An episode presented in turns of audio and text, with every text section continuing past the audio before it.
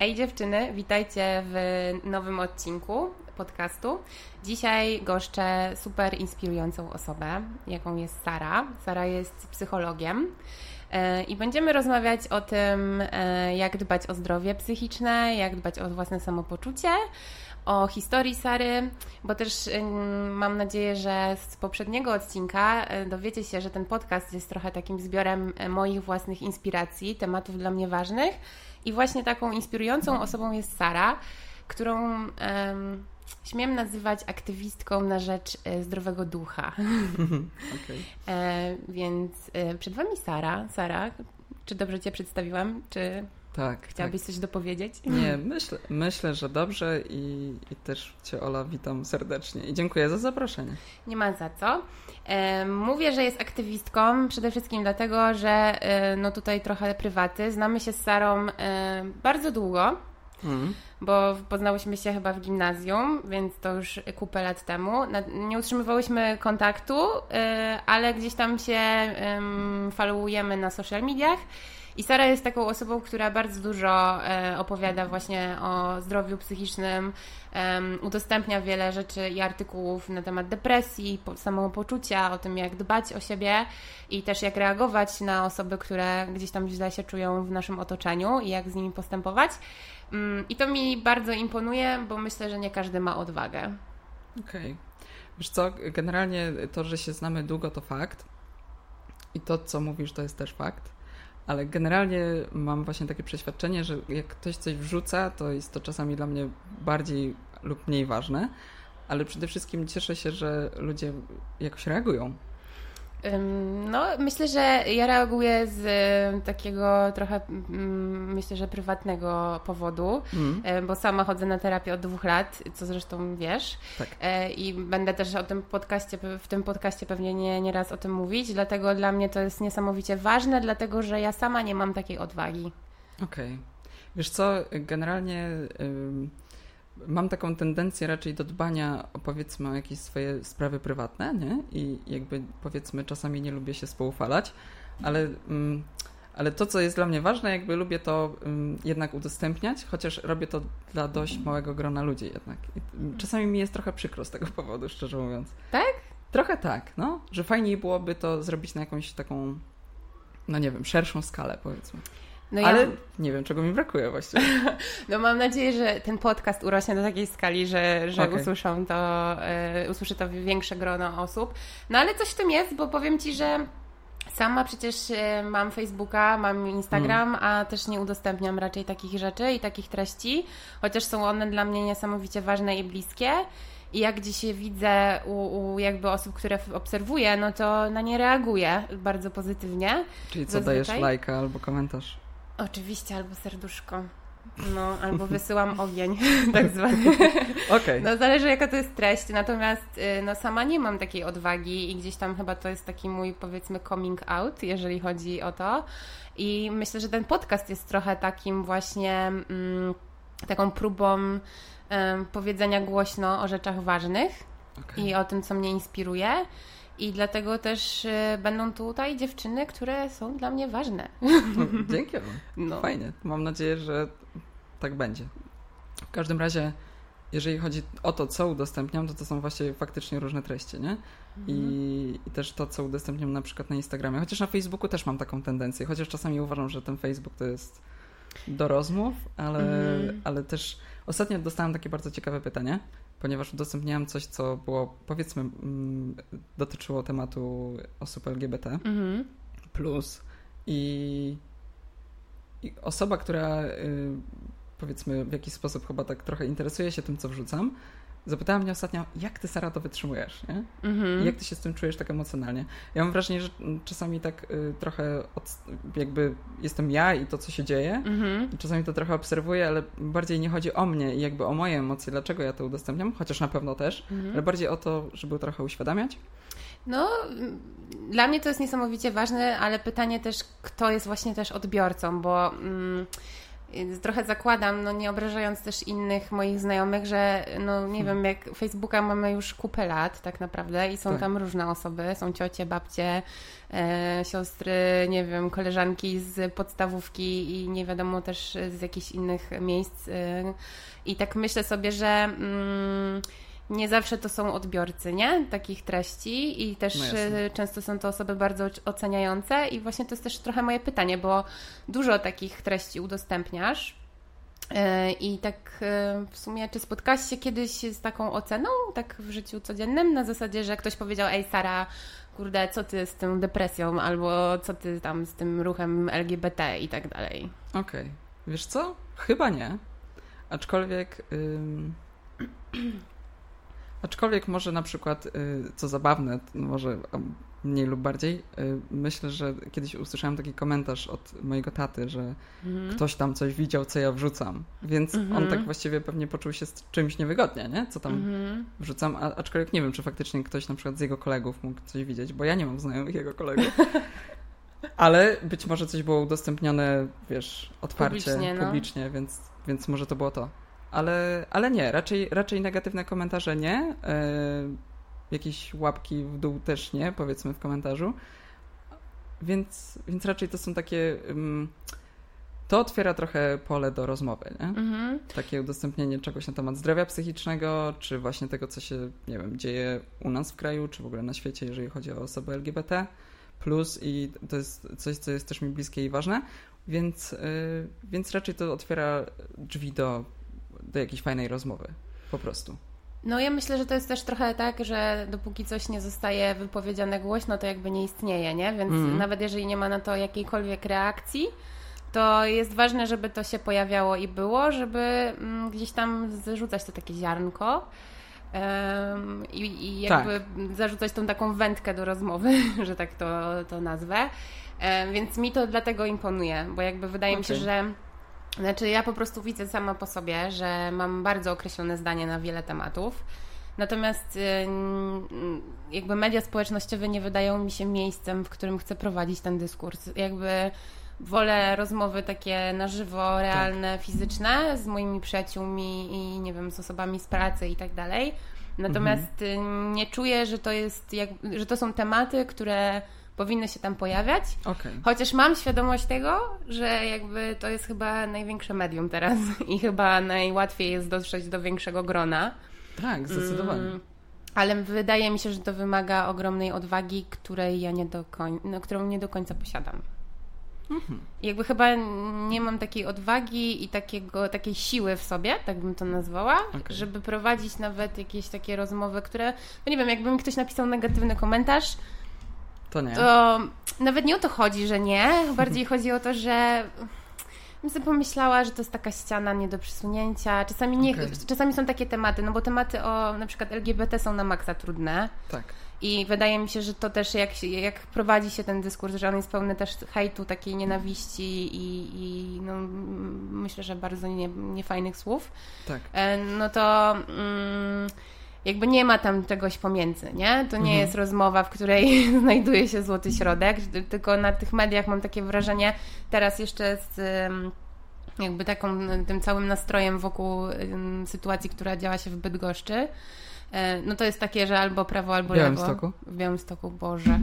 Przepraszam, to jest mega ważne wydarzenie, to się wytnie. no jakby mam takie poczucie, że kurczę, no, że tam nie ma niczego pomiędzy, E, no i to jest niefajne. I wydaje mi się, że to są tak trudne tematy, w których ciężko jest znaleźć takie naprawdę neutralne pole do dyskusji, gdzie nikt siebie nie ocenia i nie mm. wzywa i nie wrzuca do jednego wora, tak. tylko prowadzi się taką dojrzałą, normalną dyskusję. I no tego mi brakuje właśnie w przypadku social mediów.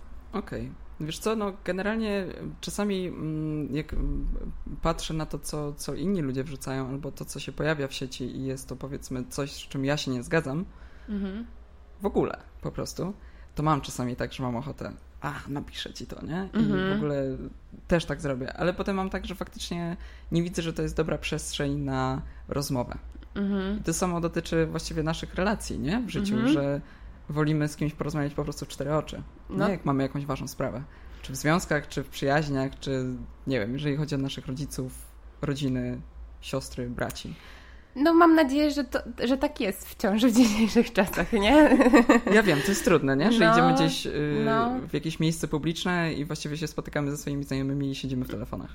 Tak, tak. My, My dzisiaj z Olą nie siedzimy w telefonach. No nie, właściwie w sumie może raz siedziałyśmy, żeby wyciszyć telefon. Tak. Natomiast y, no teraz przeszłyśmy do tematów już y, takich związanych z mm, działalnością też na rzecz y, społeczności LGBT. Natomiast ja bym chciała zacząć od tej Twojej pracy. Okay. Dlaczego psychologia? Okay. Dlaczego ta, ten temat depresji jest dla Ciebie taki ważny?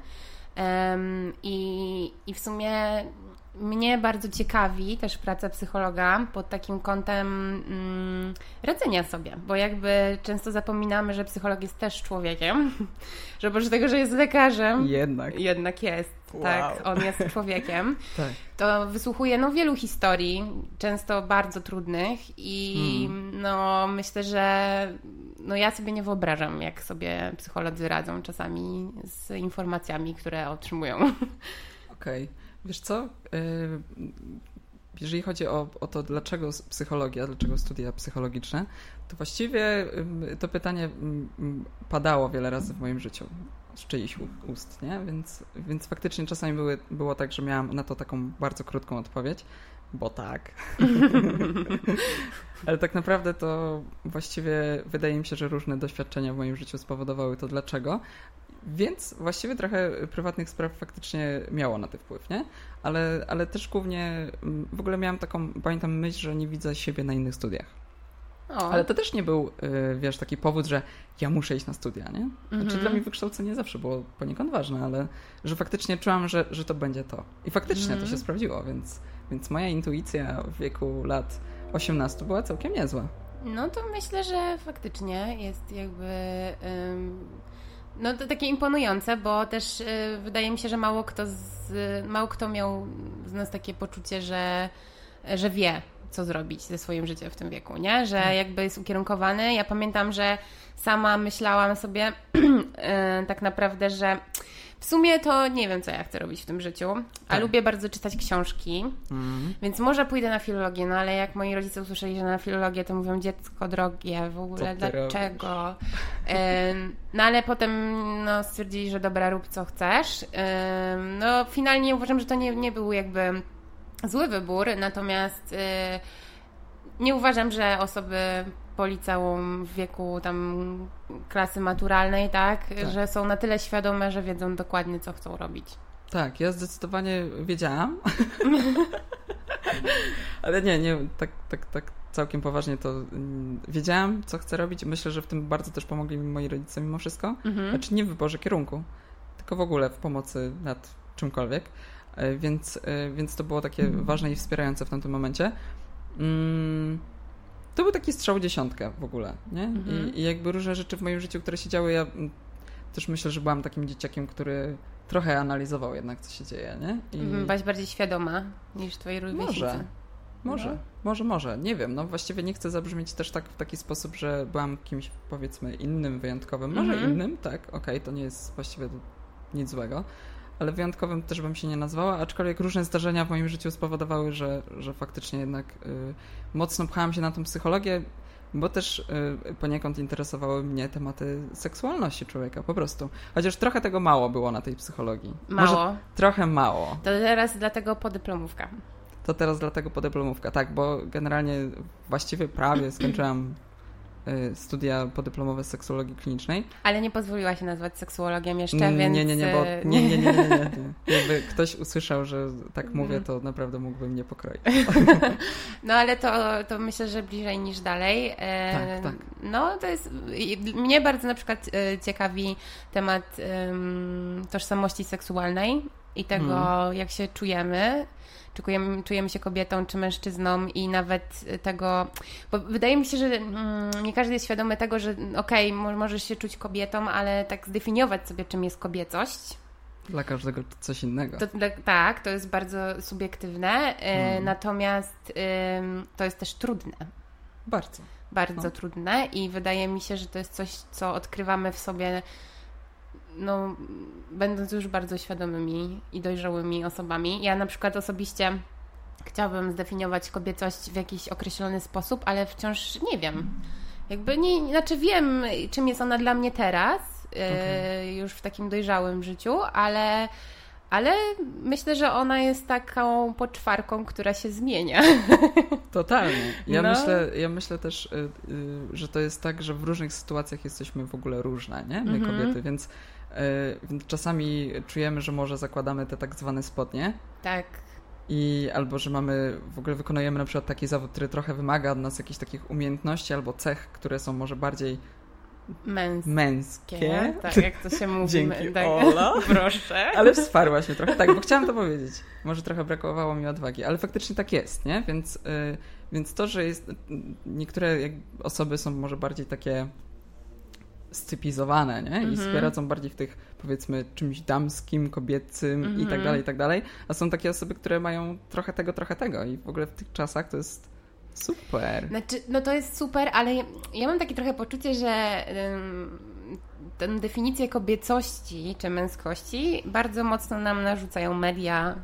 To, co mhm. się dzieje jakby wokół wizerunku kobiet i mężczyzn, no jakby w każdej przestrzeni tak naprawdę telewizji, tak. Facebooka, a już Instagrama, to, to myślę, że najbardziej no. to, co się dzieje na Instagramie. To prawda. I nie mając takiego poczucia własnej tożsamości seksualnej, bardzo można szybko ulec jakiemuś takiemu złudzeniu albo temu, co ci narzucają, jakby nie wiem, ja sama myślę sobie, jakby też obserwuję te wszystkie ruchy body positive, e, no nie wiem, jakby związane z też prawami kobiet i tak mhm. tak dalej. To jest ultra ważne, ale tak. mam czasami wrażenie, że to jest tak spłycane że to jest takie, że to jest spłycane na przykład do rozmów na temat y, zdrowia fizycznego, a nie na temat okay. takiego poczucia mhm. jakby kobiecości i tego, że nie wiem, kobieta, która jest krąglejsza może się czuć bardzo kobieco, a mhm. kobieta, mhm. która jest bardzo szczupła i w sumie nie ma biustu y, i nie jest krągła, też jest, może się czuć kobieco i jest kobieca i jakby... Tak że to jest tak trochę spłycane do takich fizycznych atutów, mhm. a nie do tego, jak my się faktycznie z tym, z tym czujemy. No właśnie, bo tak właściwie to faktycznie dużo jest takich. Yy, znaczy, ja w ogóle, jak teraz tak o tym rozmawiamy, to ja tak pomyślałam o tych yy, takich. Yy, jest takie konto na Facebooku, właściwie y, na Instagramie, które właściwie istnieje. Mhm. Nie jestem pewna, jak ona się nazywała dokładnie, ale coś na zasadzie ciało pozytyw. Nie wiem, czy może o tym Body słyszałeś. Positive to chyba się nazywa po prostu? Nie. Nie? Nie. Ciało pozytyw jakoś tak. Mhm. I generalnie tam kobiety wrzucają y, na przykład jakieś części, zdjęcia części swoich ciał, które mhm. mniej bardziej akceptują. Nie? Mhm. Y, I są mniej bardziej dla nich kobiece, seksowne, mhm. fajne, niefajne, cokolwiek. Więc generalnie powiem Ci szczerze, że mm, myślę, że dosyć sporo moich koleżanek widziały mm, tego Instagrama i zaczęły obserwować i faktycznie to coś robiło w ich głowach, nie? Mhm. Taki, taką myśl, że kurczę, jakie my jesteśmy różne. No. Jakie my jesteśmy inne. Ale no tak. Że włosy w tych miejscach, gdzie niby nie powinny być, są i w ogóle te dziewczyny to mhm. mają, nie? I to jest cool, tak naprawdę, nie? Że, że nie, nie musisz się tym przejmować, bo to nie jesteś mhm. jedyna, nie? No tak samo jest y, osobami, tak trochę wracając, z osobami LGBT, które myślą, jestem sama, jestem sam, mm -hmm. nie? ja sobie na przykład z tym nie poradzę. No i tutaj kolejny powrót, mm -hmm. zdrowie psychiczne, nie? No tak. I co to robi z człowiekiem? No, mm, dla mnie to jest o tyle ważne, mm, że uważam, że poczucie świadomości i zdrowia psychicznego, znaczy własne samo, dobre samopoczucie wpływa na tak wiele aspektów jakby w życiu. Tak.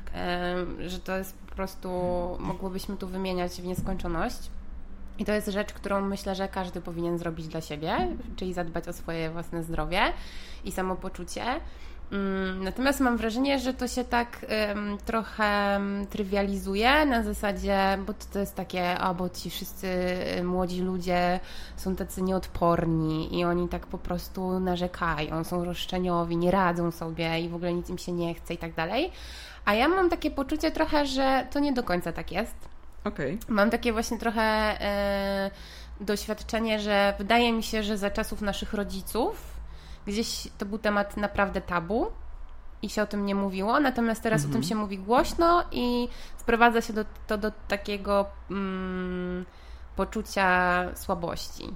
Co nie jest dla mnie. Że teraz do poczucia słabości. Tak, okay. że, że to jest takie jakby mm, utożsamiane trochę z naszym pokoleniem i, i z tym, że jesteśmy po prostu nieodporni na pewne mhm. rzeczy, bo nie przeżyliśmy tych wszystkich e, wojny, e, wojny tak, czy stanu e, wojennego, tak, okay. I, i jakby, że nie jesteśmy odporni i że trochę sobie to wymyślamy może. Mhm. No nie wiem, mam takie trochę, tro, trochę takie odczucie. Okej. Okay. Generalnie mm, mogę się w sumie właściwie z tym zgodzić, nie? że faktycznie gdzieś takie głosy y, tego, że młody człowiek, młody, przyjmijmy sobie jakikolwiek wiek właściwie, mhm. y, może być nieodporne, nie? ale właściwie to, to, fakt, to, to fakt jest taki, że kiedyś nie, bu, nie było w ogóle spopularyzowane to, że ktoś, nie wiem, na przykład ja mam rodziców, którzy mają lat 50 plus. Mhm. Ja nigdy nie słyszałam, żeby moja mama mówiła o tym, żeby ktoś z jej znajomych, ktoś z jej rodziny chodził do psychologa, na terapię, do psychiatry. Mhm. Kompletnie o czymś takim w ogóle nigdy nie słyszałam. Czy, czy, czy ktoś z rodziny mojego taty tak samo. Więc y, uważam, że, że, że kurczę, no mamy teraz trochę wygodnie, nie? Bo, bo tego jest dosyć sporo, chociaż i tak mało. No tak. A mało takiej darmowej pomocy. No darm- tak, i to myślę, że jest ogromny problem, bo Duży, myślę, no. że kurczę, że myślę, że jest multum osób, które y, chciałoby się y, zapisać na terapię, pójść na terapię i, tak. i, i gdzieś tam sobie y, poukładać różne rzeczy. Tak Natomiast pierwszym y, takim argumentem na nie z reguły są pieniądze bo nie, każdy, nie każdego stać na terapię. Terapia taka no, mm, prywatna, tak, u, u psychoterapeuty, no jest droga, umówmy się. Tak. E, ale właśnie chciałam Cię podpytać, bo sama nie mam zielonego pojęcia, bo szczerze mówiąc NFZ nie był pierwszym moim wyborem. okay. No, jak to wygląda? Czy ty, masz, czy ty masz taką wiedzę, jak to wygląda i jak można się dostać do psychologa? Bezpłatnie? Z, tak, bezpłatnie. Mhm. Okej, okay, dobra. Wiesz co? Y, ja właściwie znam powiedzmy parę takich miejsc, bo ja akurat, no jak wiesz, Ola, ja też mhm. jestem psychologiem, aczkolwiek pracuję w takim miejscu, gdzie, gdzie ta pomoc faktycznie, ja niosę ją bezpłatnie, y, tylko grono odbiorców jest dosyć ograniczone. Mhm. I właściwie to kogoś z zewnątrz nie mogę przyjąć. Mhm. Nie? ale, ale faktycznie są takie miejsca, no bo ja też wychodzę z takiego założenia, że nie każdy, kto pracuje, że tak powiem, ze mną y, albo koło mnie, mhm. musi akurat chcieć przyjść do mnie. Nie? Mhm. Bo mogę komuś nie odpowiadać, bo cokolwiek. Mhm. Więc generalnie mm, też udostępniam y, w swoim, że tak powiem, środowisku pracy informacje na temat tego, gdzie jeszcze taką pomoc mogą znaleźć. Więc tak naprawdę to są różne centra interwencji kryzysowej, które mamy. E, ale ja osobiście też polecę takie miejsce, e, jak już słuchają nas na przykład w większości lub mniej większości kobiety, albo mężczyźni, którzy mają w swoim środowisku blisko kobiety. Mhm. Takie miejsce, które się nazywa Centrum Praw Kobiet w mhm. Gdańsku. E, więc generalnie to jest miejsce bardzo kobieco pozytywne, mhm. ponieważ tam mają radcę prawnego. Super. Mhm. Mają tam psychologa, mają też tam grupę wsparcia dla kobiet naprawdę myślę, że można znaleźć tam taką rzetelną pomoc. E, znam parę osób, które tam pracuje i, i, i, jak najbardziej bardzo polecam to miejsce. Centrum Praw Kobiet w Gdańsku. E, również mamy poradnie psychologiczno-psychiatryczne lub odwrotnie psychologi- psychiatryczno-psychologiczne. E, ja nawet korzystałam z takiej pomocy i mhm. nie wiem, czy jakby mogłabym to oceniać. Na podstawie jakby jednej osoby, która tam -hmm. pracowała, nie? Ale, ale myślę, że są takie osoby, które faktycznie tam pracują, dają siebie wszystko. Nie wiem, jak mocno są to wykształcone osoby -hmm. pod kątem tego, że są psychologami, okej, okay, ale co robią z tym dalej? A myślę, że to też jakby z punktu widzenia mojego jako psychologa jest dosyć ważne. No właśnie, bo, bo studia to jest jedno. Tak. A co dzieje się potem? No bo dostajesz dyplom psychologa, i co? Idziesz na terapię sama, bo musisz iść? Sara kiwa głową na nie, żeby to było jasne, bo tego nie widać. Tak, e, tak. nie jest tak, Ola, przykro mi. Zawiodłam cię? Mm, no zawiodłaś mnie trochę, dlatego że ja byłam przekonana, że tak musi być. I znaczy, no, mm. rozmawiałyśmy też o tym wcześniej, zanim e, rozpoczęłyśmy mm, podcast nagrywać, natomiast y, gdzieś tam trochę sobie, znaczy no nie chcę generalizować. Nie uważam, że psycholog, który sam nie był na terapii, nie jest dobrym psychologiem, umówmy się. Natomiast jest to dla mnie taki trochę zawód, bo tak y, zastanawiam się, na ile osoba, która sama nie była na terapii i nie zmierzyła się z trudnymi tematami dla siebie, jest w stanie się wczuć Mhm, okej. Okay. Jakby sytuację tego, który siedzi po drugiej stronie, nie? Który siedzi naprzeciwko niego. Okay. Jak to jest ciężkie, trudne, no nie wiem. Czy czasami na przykład mogą być takie sytuacje, że, że pacjent mówi o czymś tak y, też bliskie, jakby o sytuacji bardzo analogicznej do tego, co, mm. co przeżywał sam psycholog i co się wtedy dzieje, nie? Jakby, jeżeli ten psycholog nie ma tego przepracowanego. Czy Mm, czy uważasz, że takie osoby mogą robić nie, poniekąd krzywdę innym, znaczy swoim e, jakby pacjentom? Tak, jasne. Ja w ogóle mam taką, taką historię, która jest mm, zasłyszana e, na studiach, że e, kobieta, która prowadziła terapię, mhm. jest terapeutką, mam nadzieję, że wciąż, miała w swoim gabinecie osobę, która mężczyznę, który, który zdradzał swoją partnerkę, mhm. E, a ona akurat była po rozstaniu, bo zdradzał ją jej partner. Mhm. dla niej to było bardzo ciężkie i wiesz, trudne i takie przygniatające, bo sobie myślę mocno utożsamiła tego swojego pacjenta ze swoim partnerem, mhm. więc no ciężko było ruszyć dalej, nie? No i co wtedy? Czy psycholog ma jakby mm, prawo powiedzieć swojemu pacjentowi jakby, że przykro mi, ale na tym etapie musimy skończyć terapię, y, nie wiem, spotykanie się i sesję mm, i że przekazuje na przykład pacjenta komuś innemu. Okej, okay. generalnie jakąś tam powiedzmy wiedzę na ten temat mam, bo ja osobiście nie jestem terapeutą, mhm. ale jestem psychologiem. Generalnie idę w kierunku dalszej, dalszych kwalifikacji, aczkolwiek y, faktycznie jest tak, że możemy po prostu powiedzieć szczerze, jak jest. Nie? Znaczy, nie mhm. musimy opowiadać oczywiście swojej historii życia, że a, bo tutaj jest mhm. taka sytuacja, mi się pan kojarzy z tą osobą, mhm. dla przykładu. Tak, tylko. Wyobrażam to trochę sobie, że nie? mówi psycholog do swojego pacjenta: Stary, jesteś jak ten mój były, nie? Koniec tej sesji. No, no, dokładnie, więc, więc oczywiście no, każdy to zrobi jak chce. To, co się wydarzy w gabinecie, to jest w gabinecie, no, więc, więc to zamyka się gdzieś tam w czterech ścianach, ale no możemy ładnie to zrobić w dobry, subtelny sposób, nie? Żeby odmówić. Ale jeżeli jesteśmy na tyle, myślę, gdzieś tam otwarci na, na dalszą współpracę, powiedzmy, no to jest superwizja, która polega na mhm. tym, że psychoterapeuta konsultuje swoją pracę terapeutyczną z wykwalifikowaną osobą, która jest certyfikowanym superwizorem. Nie? Mhm. I to wtedy można pociągnąć ewentualnie dalej. Dlatego też to, o czym ty mówisz, że y, ta praca własna, nie? Bo to się no tak, tak nazywa, praca własna, no to jest bardzo istotne. Ja myślę, że mało osób z tego korzysta. Znam takie osoby, które raczej nie korzystają i szkoda. Nie wiem, jak one sobie radzą w gabinecie ze swoimi pacjentami. Mhm. Aczkolwiek no, dla mnie to na przykład też jest dosyć ważne. Ja też mam w swoim gabinecie różne osoby, nie? Od, od jakichś problemów w pracy po problemy rodzinne i tak dalej, i tak dalej, ale mogę się szczerze przyznać, że miałam takie dwie osoby, które też mnie dotknęły, nie? Mhm. I, I faktycznie gdzieś tam je może utożsamiałam z kimś prywatnym, ale, ale to było tak że jedno spotkanie, ja zaraz o tym pomyślałam, też fajnie sobie to po prostu jakoś przetłumaczyć trochę. Mhm. Też nie były może jakieś trudne dla mnie sytuacje, więc yy, czy tam, nie, nie był to dla mnie trudny przypadek, żeby mnie okay. przebrnęła dalej. Mhm. Yy, ale fakt, fajnie jest to konsultować, nie? Fajnie jest nad tym trochę popracować. Dobra jest to praca własna, ona jest bardzo istotna, nawet nie w takich sytuacjach, tylko w ogóle. Mhm. Zresztą to, o czym też rozmawiałyśmy przed nagraniem, nie? Że że uważasz, że każdy powinien może tak. skorzystać z takiej pomocy i że to jest tak. w ogóle super świetne. Nie? Tak, ja uważam osobiście, że e, terapia powinna być dla każdego refundowana. I to jest, jakby uważam, że z perspektywy czasu i, i własnych doświadczeń, e, no ja fakt chodzę na terapię prywatnie, co też się wiązało z tym, że musiałam zakasać rękawy i gdzieś tam pójść do drugiej pracy. Hmm. E, natomiast e, nie żałuję tego. Nie żałuję tych wszystkich dni, gdzie nie mogłam wyjść w weekend, bo musiałam pracować.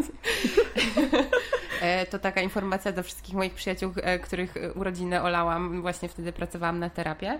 Natomiast no jakby chciałam powiedzieć, że yy, no nie żałuję tego i to były najlepiej zainwestowane pieniądze w moim życiu. No po prostu i i, i no, no, cieszę się, że tak się teraz bardzo się cieszę, że tak się mm. moje losy potoczyły, że gdzieś tam wpadłam na to, żeby zrobić z tym porządek ze swoim zdrowiem i samopoczuciem. I się odważyłam, poszłam i na szczęście, bo uważam, że to ogromne szczęście, trafiłam na psychoterapeutkę, która po prostu no no, po prostu teraz no, pewnie ona o tym nie wie. nie, no myślę, że trochę się domyśla, ale no, jest mi bliską po prostu o bliskim człowiekiem, no, pomimo, mhm. że nie, nie, nie wiem o niej nic, oprócz tego, że jest moim psychologiem, tak. E, to jest mi bardzo bliska i wiem, że też nie każdy miał takie szczęście, że naprawdę o tym się może niewiele mówi, ale jak zaczęłam mówić wśród swoich przyjaciół i znajomych, że chodzę na terapię, to nagle się okazało, że w moim gronie tych ludzi, którzy chodzą na terapię, jest tak samo dużo. Tak. E, I to było dla mnie w ogóle zaskakujące. Hmm.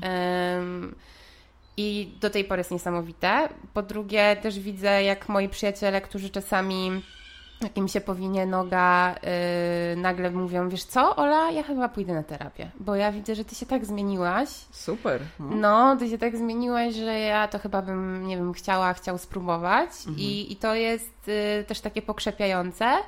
Yy, no, ale naprawdę dla mnie to było super zaskakujące, kiedy powiedziałam głośno, że chodzę na terapię. W ogóle wiele osób zrobiło ogromne oczy, mhm. że jak to? Jak yy, Ola, ty?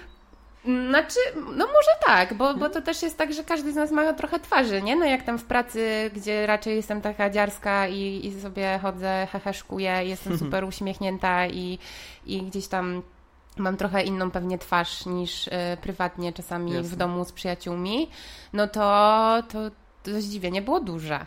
Mhm. No. Wiesz co, y, ja generalnie też właśnie, ja swoje pierwsze doświadczenie z, z z terapią, z psychologiem miałam w, na pierwszym roku studiów, nie? Więc, więc też nie miałam pojęcia o tych wszystkich nurtach mm -hmm. i tak mhm. dalej. E, no i to było jakieś tam moje doświadczenie. Nie powiem, że jakoś super złe, aczkolwiek no powiedzmy, że złe. Mm -hmm. e, ale to też dlatego, że ja nie jestem fanem psychoanalizy. Będę mówić o tym głośno. Ja wiem, że znajdę osoby, które będą myśleć tak jak ja. No ale to może powiedzmy, czym. Może wymieńmy takie najbardziej, może cztery albo trzy popularne nurty, żeby, żeby wyjaśnić dla osób, które może nie, nie są też zaznajomione z tym tematem, okay. że psychoanaliza to jest taka najbardziej wnikliwa, tak? Tak. Trwa długo, mm. są też często spotkania bardzo często, mm -hmm. ale tak bardzo często i generalnie trwa latami. Latami i, i to jest takie trzymanie. Ale czy tam, czy jest taka więź z psychologiem wtedy? Wywiązuje się taka realna? W sensie, no bo mm, są też takie nurty, tak? Gdzie tak. psycholog normalnie cię dotyka, opowiada ci też o sobie, o swoich doświadczeniach? To jest pytanie? Tak, to jest pytanie, bo ja nie wiem do końca, jak się taki nurt nazywa i czy on w ogóle istnieje, czy to jest mój wymysł. Wiesz co? Chyba ci nie odpowiem na to pytanie. Ja, ja właściwie to jakby mam jakąś tam y, wiedzę na temat tych nurtów, ale mhm. generalnie y, jakby zawsze się zajmowałam w swojej własnej głowie tym, co jest mi najbliższe, nie? Mhm. I takie właściwie najbliższe i też takiej pracy. I to też jest dla mnie takie istotne, co mi się podoba, mhm. dlatego że mniej więcej wiem, co sama bym chciała, w czym sama bym chciała pracować. Okej, okay, no to co to jest? To jest na pewno terapia poznawczo-behawioralna. Mhm. Nie? Czyli I... to, czego ja się najbardziej bałam. Czyli to, czego ty się boisz? Znaczy, no, jak, tak, jak szukałam gabinetu, do którego iść na terapię, no to tak, ja się tego bałam. Znaczy, wiedział, słyszałam, że to jest w ogóle super dla osób z taką głęboką depresją, żeby stanąć na, na nogi mhm. E, w bardzo krótkim czasie, natomiast ja się trochę bałam, że no, że jakoś to mnie może uzależni, że ja później tak sama nie będę wiedziała co, że bardziej czułam taką potrzebę, żeby się wygadać, żeby trochę dojść do źródła tych wszystkich moich problemów i mojego samopoczucia i, a też z kolei psychoanaliza była dla mnie czymś y, przerażającym, bo mm. pomyślałam sobie, kurde, chyba nie dam rady, okay. y, że to jest za dużo, bo ja sama bardzo dużo analizuję i pomyślałam sobie, że jak jeszcze pójdę, to tysiąc razy przeanalizować, to już w ogóle się zapętlę w tych myślach i, i to będzie dla mnie złe. Y, więc wybrałam taki złoty środek, y, czyli psychodynamiczną. Okej. Okay. No, tak. Ak akceptuję to, Ola. Wiesz co, y, generalnie mi się akurat y, terapia poznawczo-behawioralna podoba, dlatego że jej doświadczałam tak na własnej skórze. Mhm. Y, no właśnie, no bo y, mówiłaś, że na pierwszym roku byłaś na... Psycho na... Tak, psychoanaliza to była, mhm. potem byłam na, też w terapii, to była terapia y, skoncentrowana na rozwiązaniach mhm. i to też była fajna praca. Okay. Nie? I to też jest coś, co mnie przekonuje i gdzieś tam jako, że tak powiem, w swoim zawodzie też bym chciała, że tak powiem, mieć taką no. gdzieś tam umiejętność, nie? Dobra. Prowadzenia takiej terapii. E, w planach. Niedługo. Tak, tak.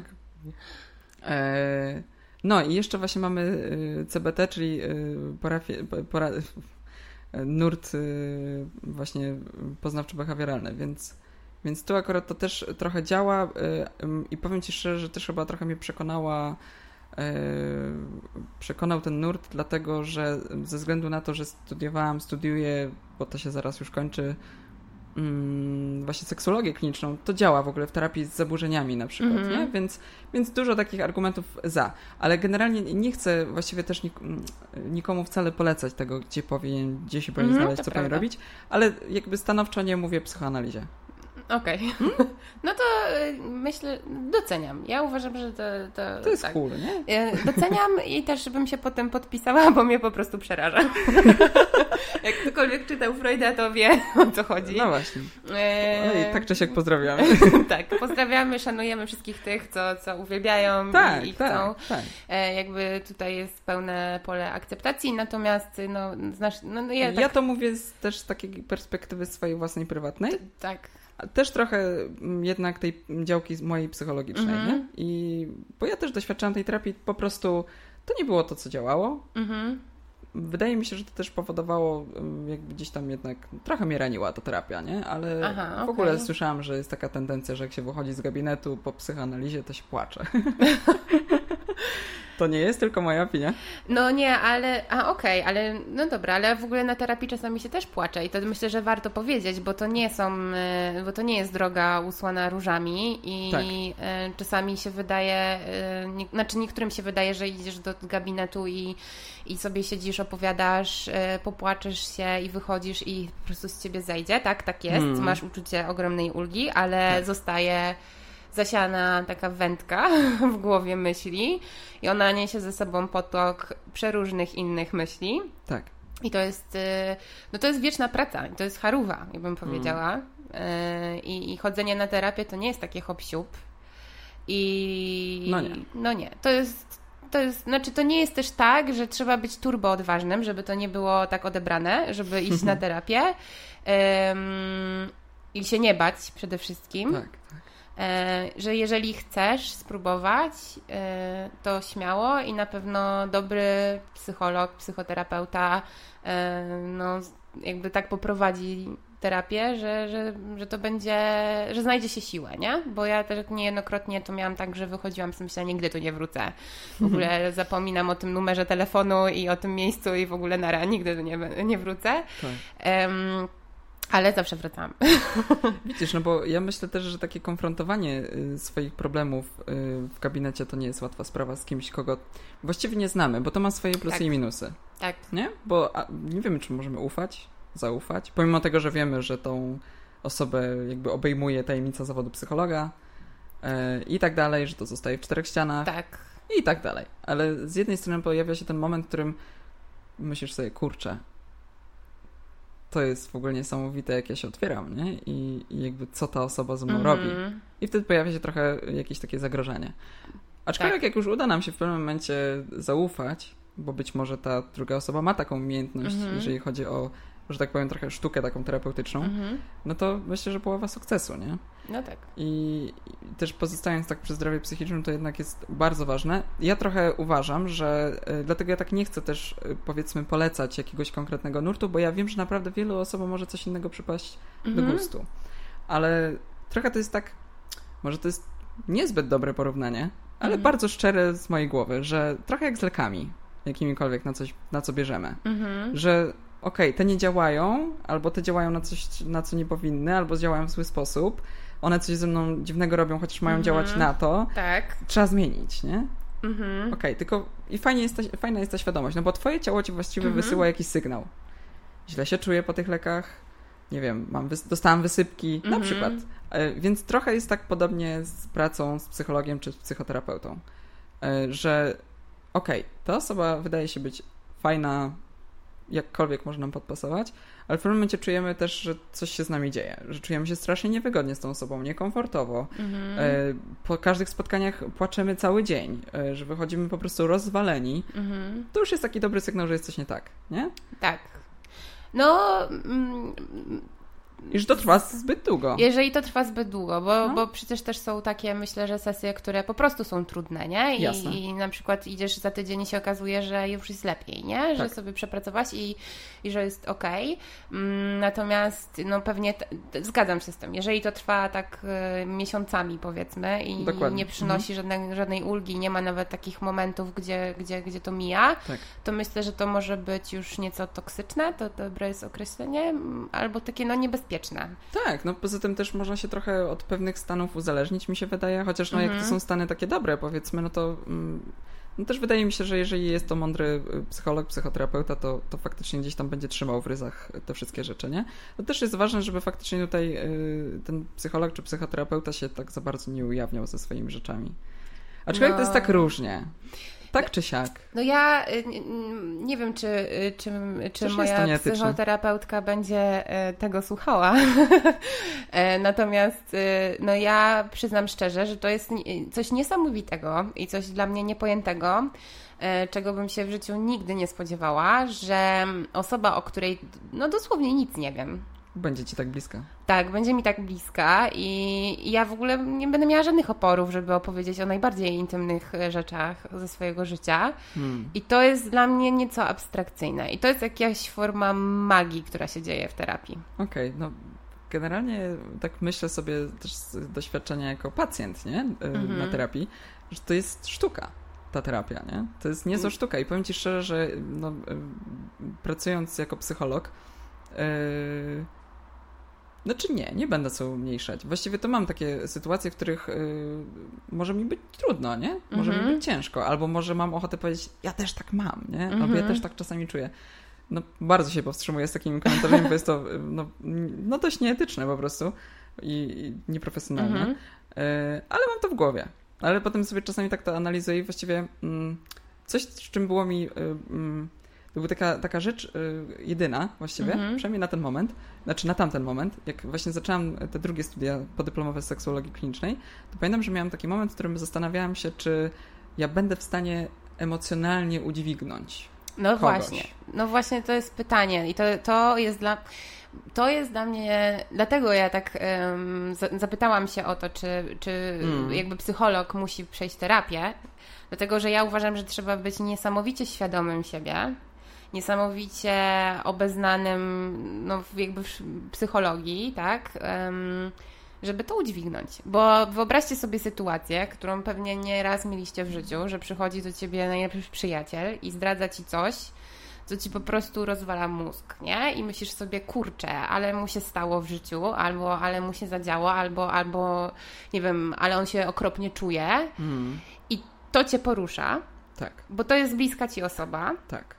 A przecież w terapii też tak trochę jest, że nagle się stajecie z pacjentem sobie bliscy. To nie chodzi mi o taką emocjonalną bliskość ani fizyczną, ale fakt, że przychodzisz tam raz w tygodniu czy dwa razy mm. w tygodniu i no się mm, ten psycholog cię poznaje, tak? Ciebie, bo ty go tak. nie poznajesz zazwyczaj, no przynajmniej w psychodynamicznej terapii tak jest. Mm, no i przecież ty wiesz o nim trochę już rzeczy i nagle coś się mu takiego zadzieje, mega trudne trudnego i no, no z takiego ludzkiego odruchu, nie? Takiej czystej empatii, mhm. bierzesz to na klatę i to, z tym też musi być super ciężko, więc to mnie właśnie interesuje najbardziej.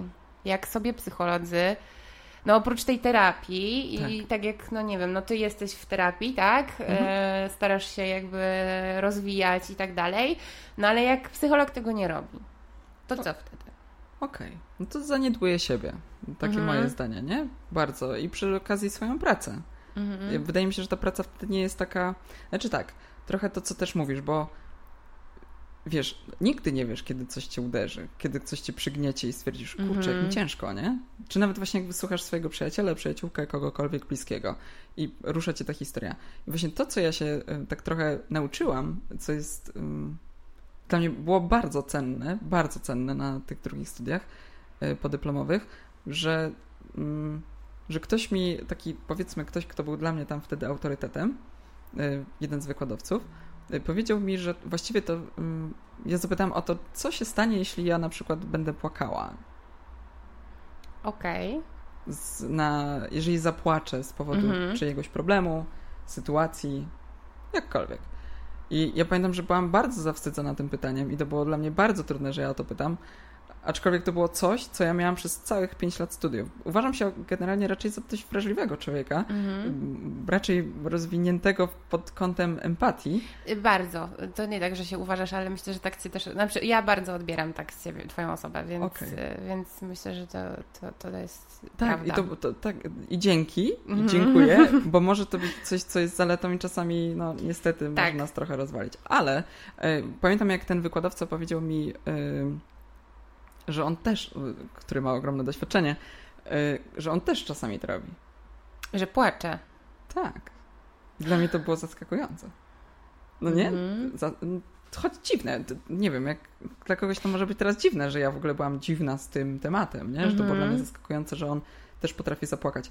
Ale to jest cenne, bo to, czego ja się właściwie teraz uczę, bo wcale nie jestem długo tym psychologiem takim mm. aktywnym w zawodzie, to faktycznie uczę się tego, że to ja tam jestem człowiekiem. I to jest, to jest bardzo ważne. Ja widzę to, jak oni, ci pacjenci, co do mnie przychodzą na te konsultacje, czy po prostu przychodzą jakoś cyklicznie.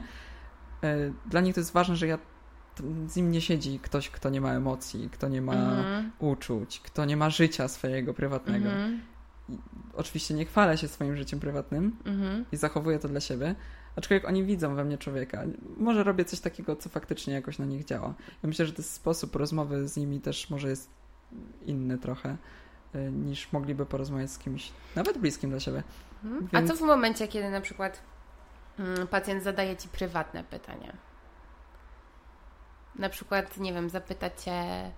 Czy pani jest w związku? Tak, czy pani jest w związku? Albo co pani robiła w weekend? Hmm. Zależy. Mhm. Nie? Ja myślę, że zależy to jest, jaki to jest pacjent. No właściwie to... Bo ja przyznam szczerze, że nigdy nie zapytałam o to mojej A masz ochotę?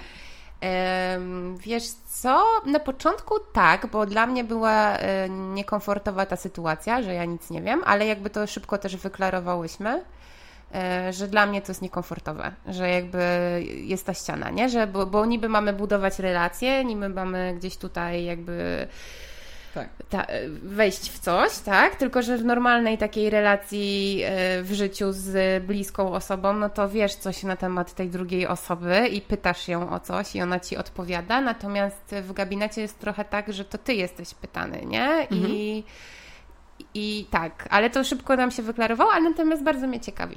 Wiesz co? E, co ty sobie wtedy myślisz? Ja nie wiem, ja sobie staram przypomnieć, czy ja miałam w ogóle takie pytanie od kogoś. Mhm. Na przykład jak minął mi weekend, albo czy ja mm, mm, czy nie wiem, czy ja jestem w związku. Albo, albo jak się czujesz na przykład.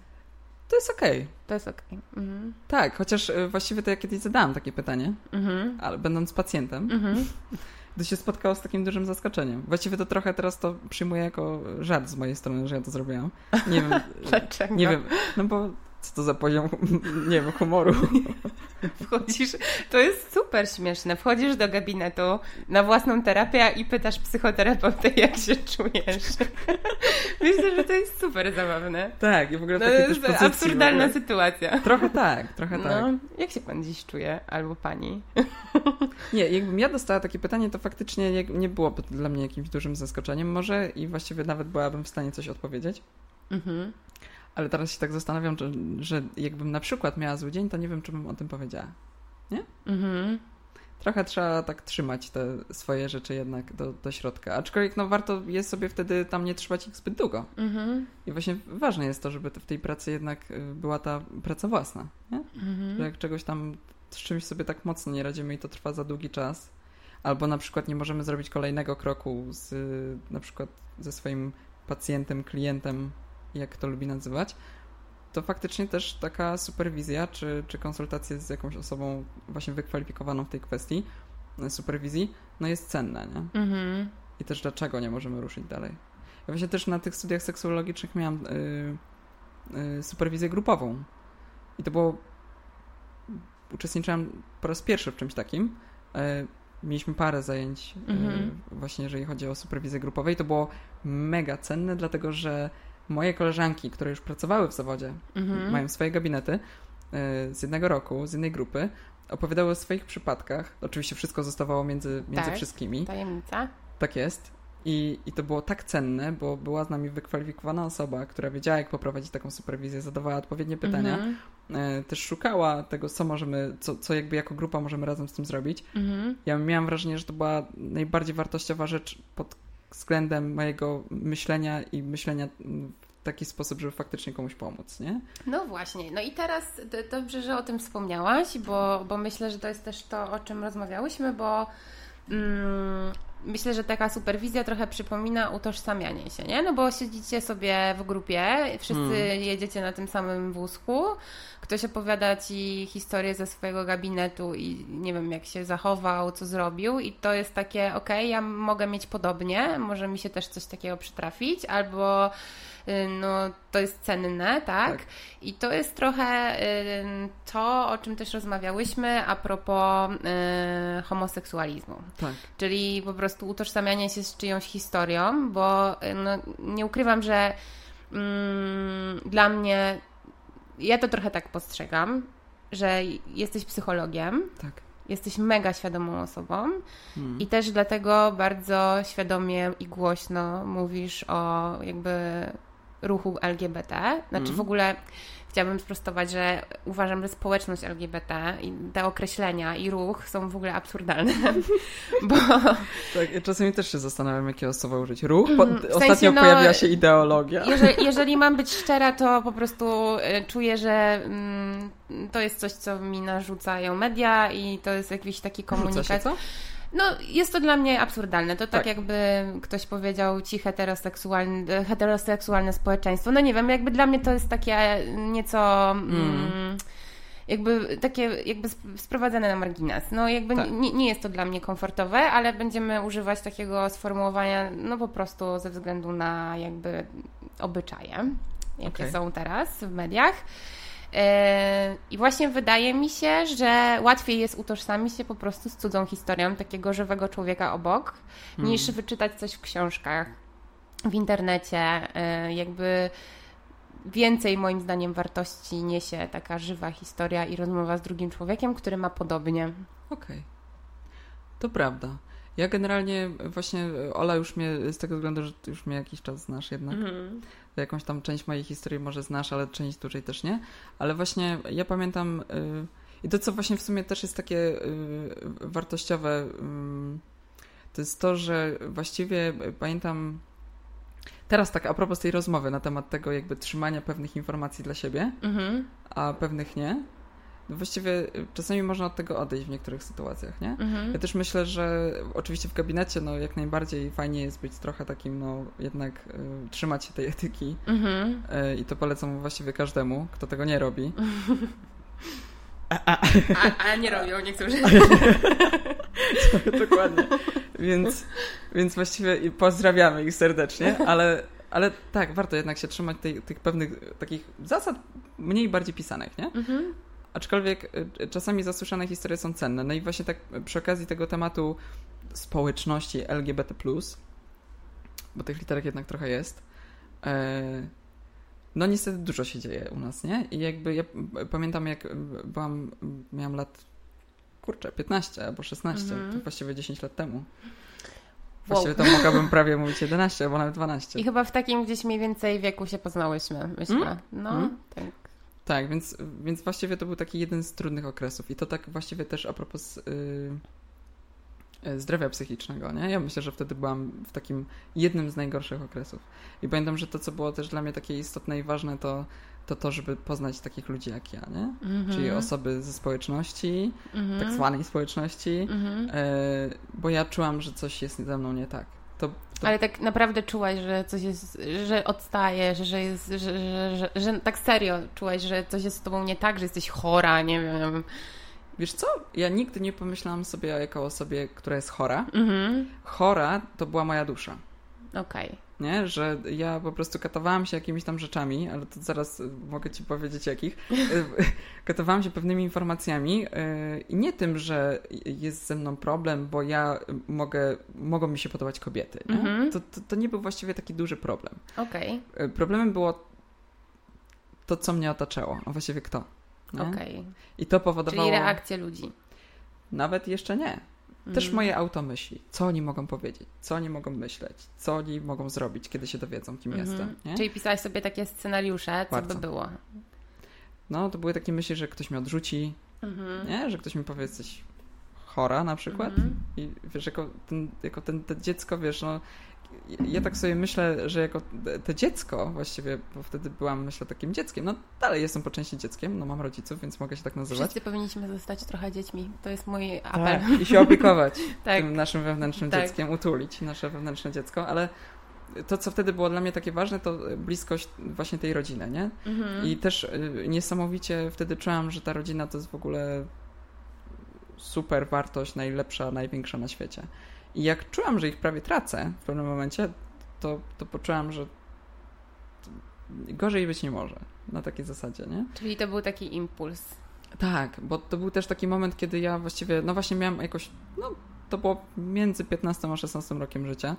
Yy, bardzo potrzebowałam się z czymś utożsamić. Ja myślę, że ja wtedy miałam taki może nie wiek mm, tego buntu tak zwanego, mhm. ale coś, z czym potrzebowałam się jakoś utożsamić i właściwie to nawet myślałam, że może ja sobie coś wymyślam, mhm. ale właściwie jak trochę y, zagłębiałam temat, czym jest skrót LGBT mhm. Y, i okazało się, że jest jeszcze tam więcej literek, mm, to w ogóle mam wiesz, mój mózg po prostu parował i mhm. zastanawiałam się, co się dzieje i, i jakby dlaczego ja powiedzmy i, i tak dalej, ale to... No dobra, no ale 10 lat temu, no my jesteśmy młode, żeby nie było, bo mamy 27 lat. Tak jest.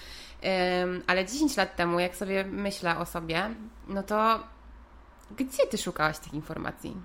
No bo internet jeszcze wtedy, no to tak raczkował, bym powiedziała. Trochę tak, ale ja, wiesz co, ja wtedy miałam taką y, duż, tendencję do siedzenia w domu, siedzenia, mm -hmm. laptop to w ogóle było moje życie. To w ogóle tak cenne, to było coś najcenniejszego. Mhm. E, Wikipedia, co jest niesamowite, nie? Że, mhm. że faktycznie tam odkryłam ten skrót. E, I właściwie e, historia się zaczęła tak, że któregoś dnia w ogóle słuchałam muzyki i w ogóle takiego jednego konkretnego zespołu. I ten zespół nazywa się Tigen i Sara. O Jezu, ja, a w ogóle wiesz, że Sara, ja Cię pamiętam i to słuchałam ten zespół właśnie przy, dzięki Tobie. O, tak, dzięki Tobie słuchałam tego zespołu, no, bo... To jest bardzo dla mnie sentymentalne bardzo, teraz. No, naprawdę i teraz mm. jak go gdzieś tam, no nie słucham już tak często jak tak. kiedyś, ale jak y, gdzieś mi mignie, to sobie myślę Sara. No widzisz, nie? I ja właśnie tak trafiłam przez przypadek, bo no, zawsze bardzo lubię muzykę i zawsze mnie mocno relaksowała i właśnie któregoś dnia y, słuchałam ich przez przypadek. -hmm. Coś mi się włączyło, spodobało mi się i tak zaczęłam, i miałam taką tendencję, że jak podobał mi się jakiś zespół, jakiś wokalista, wokalistka, to y, zawsze szperałam dużo informacji na ten mhm. temat. Kim oni są, skąd, ile mają lat, wszystko. Więc... To jesteś moim przeciwieństwem. Naprawdę. Nie robisz tego? Wolisz nie wiedzieć? E, tak, uwielbiam nie wiedzieć. Uwielbiam nie wiedzieć i znaczy no wiadomo, że czasami mi się zdarza najpierw się dowiedzieć, a potem posłuchać, natomiast mm. y, jak mm, znajdę jakąś perełkę, to uwielbiam nie wiedzieć i siebie miło albo niemiło zaskoczyć. Okej. Okay. No, a potem dopiero szperam. Wow, fajna no. strategia. Ale nie wprowadzę jej w swoje życie, za stara jestem już. Stare, dobre przyzwyczajenia. Tak, pozostanę przy tym. No właśnie, ale to właściwie spójrz na to, to mnie właściwie wtedy trochę uratowało. No tak, nie? że ja... ta ciekawość. Tak, bo oczywiście jakby tutaj trochę y, łącząc historię, chodzi o to, że Tigan i Sara są siostrami, mhm. są bliźniaczkami i są lesbijkami, po prostu, więc generalnie to była taka kwestia w ogóle totalnie otwarta, to jest mhm. kanadyjski zespół, te dziewczyny są z Kanady, więc tam ten temat już w ogóle był mocno taki okej. Okay. E, no i właśnie byłam wtedy w takim szoku i pamiętam, że tak słuchałam e, ich zespołu i byłam taka w ogóle zesztywniała pod tytułem one są lesbijkami, ja nie znam żadnych lesbijek, ja nie będę słuchać lesbijek, nie? Naprawdę? Tak. Oj. No, no to musiałaś źle o sobie myśleć wtedy, co? Wiesz co, no wydaje mi się, że odrzucałam jakąś ważną, wartościową część siebie, nie? Bo, bo poczułaś, tak, że, że podobają ci się dziewczyny i mm. odkryłaś, tak, że, że są osoby homoseksualne. Tak. Um, że ten temat prawdopodobnie wtedy, tak pewnie myślałaś, że ciebie dotyczy, no mm. ale no, utożsamić się z tym to jest zupełnie inna rzecz, nie? Tak, pamiętam, Zaakceptować że... też to. Zdecydowanie, to, to był długi proces, nie? Proces też w ogóle wyjścia z szafy e, coming outu jest e, taki, siedzieli trochę na trzy, nawet mhm. bardzo, czyli najpierw ty się akceptujesz i ty możesz wyjść z szafy dla samej siebie, powiedzmy. Mhm. Potem są ewentualnie przyjaciele i rodzina, mhm. a potem cała reszta. Czyli na przykład praca? Mhm. Dajmy na to, że środowisko twojej mhm. pracy. Tak trochę sobie można to jakoś fajnie rozdzielić. I faktycznie ten pierwszy moment mam wrażenie, że jest najtrudniejszy mimo wszystko. Myślisz, że... Znaczy, myślisz, że, mm, że za każdym razem ta kolejność jest taka, że najpierw ty, potem rodzina, potem wszyscy inni? Słuchaj, dobre pytanie, bo wiesz co, generalnie myślę, że y, niektórzy wiedzą lepiej od ciebie. I to się czasami sprawdza. No tak, ale też y, czy mm, jakby okay. nie, nie, do końca jestem w stanie się y, jak, znaczy zgodzić z tym, czy faktycznie jest tak, że ty siebie akceptujesz, mówisz to rodzinie i ten proces akceptacji masz już za sobą. Bo okay. tak mi się czasami wydaje, że tak jak ty mówisz, wszyscy naokoło się domyślają i wiedzą. Mhm. No i wiedzą, że ta osoba też wie. Natomiast ta osoba trochę udaje i odwleka to, nie? I to jest też, znaczy z mojego doświadczenia, okay. to jest przykre. Mm. Jakby to jest przykre, bo no ja akurat y, totalnie toleruję i jestem absolutnie za i pro. I nie rozumiem, jak można w ogóle mieć jakiekolwiek zastrzeżenia co do miłości dwóch osób, dorosłych osób, które mm. chcą po prostu być ze sobą. E, I tak jak już Ci raz powiedziałam, i to jest mój jakby argument naczelny i nadrzędny, e, uważam, że jesteśmy na tym świecie po to, żeby być akceptowanym mm. i żeby być kochanym. Tak. I nie wyobrażam sobie, że no, ktoś zabrania komuś tego. I jeżeli, no, jeżeli ktoś zabrania komuś kochać drugą osobę, świadomie, z pełną jakby zgodą i tak dalej, no to coś grubo poszło nie tak na tym naszym świecie i nie wiadomo po co tu jesteśmy i jaka jest jakby no... Nasza misja. Znaczy, no nie nasza misja, no ale takie jestestwo trochę, nie? No tak, bo no. kurczę, jesteśmy po to, żeby żeby kochać. No. Może to jest y, zbyt y, takie idealistyczne, natomiast nie wyobrażam sobie y, osobie no, heteroseksualnej, mhm. żeby mi ktoś powiedział... Zrobiła coming out. Tak, coming out to jest... Kocham chłopców. w każdym razie nie wyobrażam sobie, żeby ktoś mi powiedział, że sorry, ale ty nie możesz kochać tego chłopaka. Mhm. Absolutnie nie, bo, bo to jest złe, bo to jest coś tam, bo to jest zboczenie, czy cokolwiek innego. I no po prostu nie zgadzam się na takie argumenty. I hmm. uważam, że to jest ogromna krzywda. Tak, no ja myślę, że też wiesz, ta, ta niewiedza skąd to jest, skąd to się bierze. Wiesz, w moim przypadku, e, akurat jeżeli chodzi o moją rodzinę, to wiesz, no, był ten moment, kiedy ja rzeczywiście już zrobiłam ten pierwszy krok za mhm. sobą, nie? I jakoś to było trudne, ale ja czułam, że są jeszcze kolejne etapy. Tak mhm. dosłownie, ale to czułam i y, tak starałam się wspierać trochę tym internetem, trochę środowiskiem yy, i poznawałam ludzi na jakichś tam portalach i tak dalej. Mhm. Aczkolwiek właśnie nawet nie po to, żeby z kimś randkować y, w tym wieku, tam 15-16 lat, chociaż mogłabym, ale bardziej chciałam usłyszeć inne historie. I to było dla mnie bardzo cenne i do dziś dnia jest, bo ja do dziś dnia opowiadam tą historię tak, jakby się stała wczoraj, a właściwie to była no, te 10 lat temu, około, plus mm -hmm. minus. E, I opowiadam, opowiadam w taki sposób, jakby faktycznie to było wczoraj, i na dodatek mam wrażenie, że to jest cenne dla innych ludzi. No to ja, y, bo ja przyznam, że nie znam tej historii. Znaczy, okay. znam ją tak pokrótce, Dobra. E, myślę. Jest, mam nadzieję, że jak ktokolwiek z naszych słuchających osób będzie chciał, znaczy, że się utożsami z tą historią, no to, że mu hmm. będzie też łatwiej, nie? No, albo, że coś sobie weźmie z tego, hmm. to cokolwiek, że to będzie cenne, yy, więc no, chciałabym się dowiedzieć. Jak ktoś nie chce słuchać, to Jak ktoś nie chce słuchać, to jest ten moment, tak. Y, żeby przewinąć na przykład 10 minut y, do przodu, albo w ogóle wyłączyć, jakby na tak. luzie, bo w sumie już gadamy prawie godzinę. Wow. No, e, Właściwie to więcej. Więcej, godzinę cztery. E, więc to jest ten moment, kiedy ktoś nie chce tego słuchać, to może się włączyć. Nie, no żartujemy. Tak. Uważam, że, że, że to będzie turbocenne.